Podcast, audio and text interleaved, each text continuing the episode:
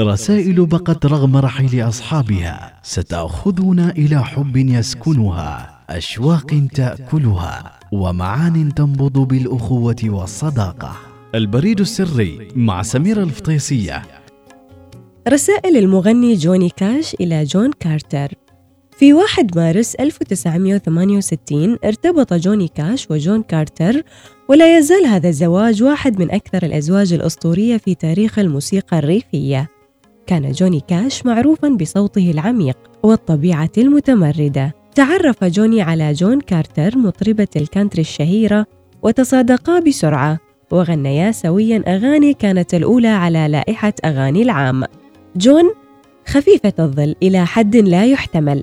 المنفجرة بالطاقة والضحك. كانت متقلبة المزاج بصورة غير متزنة وتحمل داخلها حزنا قويا جاء إثر زيجات فاشلة وعلاقات ابتزازية وجوديات رقيقة. أحبت جون كارتر جوني كاش وأحبها. وظل الأمر كذلك. أصدقاء يعرف كل منهم خيبة الآخر ولا يقترب. في أواخر الستينات وعندما تفاقمت مشكلة جوني الإدمانية حيث أنه كان مدمن للكحول والمخدرات فحبسته جون في المنزل وأشرفت على علاجه يوما بيوم حتى خرجت السموم من جسده. عرض كاش الزواج على جون عدة مرات وكانت ترفض. في كل مرة يصرخ داخلها أن نعم ويرفض لسانها. كانت تخاف رأت الجانب المظلم من حياة كاش كله وحياة غيره. ومجرد تصور احتمال الأذى كان كافيا للرفض. تقول لنفسها أحبه لكن لا طاقة لأذى آخر. ظلا في هذه العلاقة مجهولة المعالم عدة شهور أخرى. ولم يكن كاش يحبها لأنها منقذته بل عشقها منذ البداية وتداخلت روحه بروحها. وفي مرة من المرات في كندا وبينما يغنيان سويا أمام آلاف الجماهير راقبها كاش وهي تغني وترقص. ممسكة بالدف الصغير جأش عشقه كله حتى لم يعد يحتمل. أخذ قراره فأوقف الأغنية في منتصفها وأمسك المذياع محدثا الجمهور. وعرض الزواج عليها أمامهم. ترددت للحظة ثم قالت نعم. ومن الرسائل التي أرسلها المغني جون كاش إلى زوجته جون كارتر كاش في عيد ميلادها الخامس والستين عام 1994 حيث كان يقول كل عام وأنت بخير أيتها الأميرة. نكبر معا ونعتاد على صحبة بعضنا.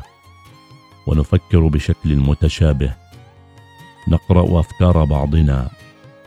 نعرف ما يحتاجه الآخر دون الحاجة للسؤال. قد نغضب أحيانا من بعضنا. ولكني عندما أتأمل الأمر أجدني محظوظا بقدرتي على مشاركة حياتي مع أعظم امرأة التقيتها على الإطلاق. ما زلت مبهرة وملهمة بالنسبة لي. ما زلت مؤثرة أنت غاية رغبتي. أنت السبب الأرضي الأول لوجودي. أحبك جدا. كل عام وأنت بخير أيتها الأميرة. جون.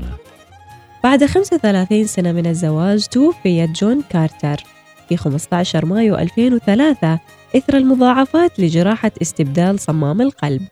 وفي آخر أداء لجوني كاش في 5 يوليو 2003 قرأ بيانا أعرب فيه عن حبه الذي لا يرحم لزوجته الراحلة فقال في رسالة موجهة للجمهور قبل أن يبدأ للغناء طغت روح جون كارتر على هذه الليلة مع الحب الذي كانت تملكه من أجلي والحب الذي أمتلكه من أجلها.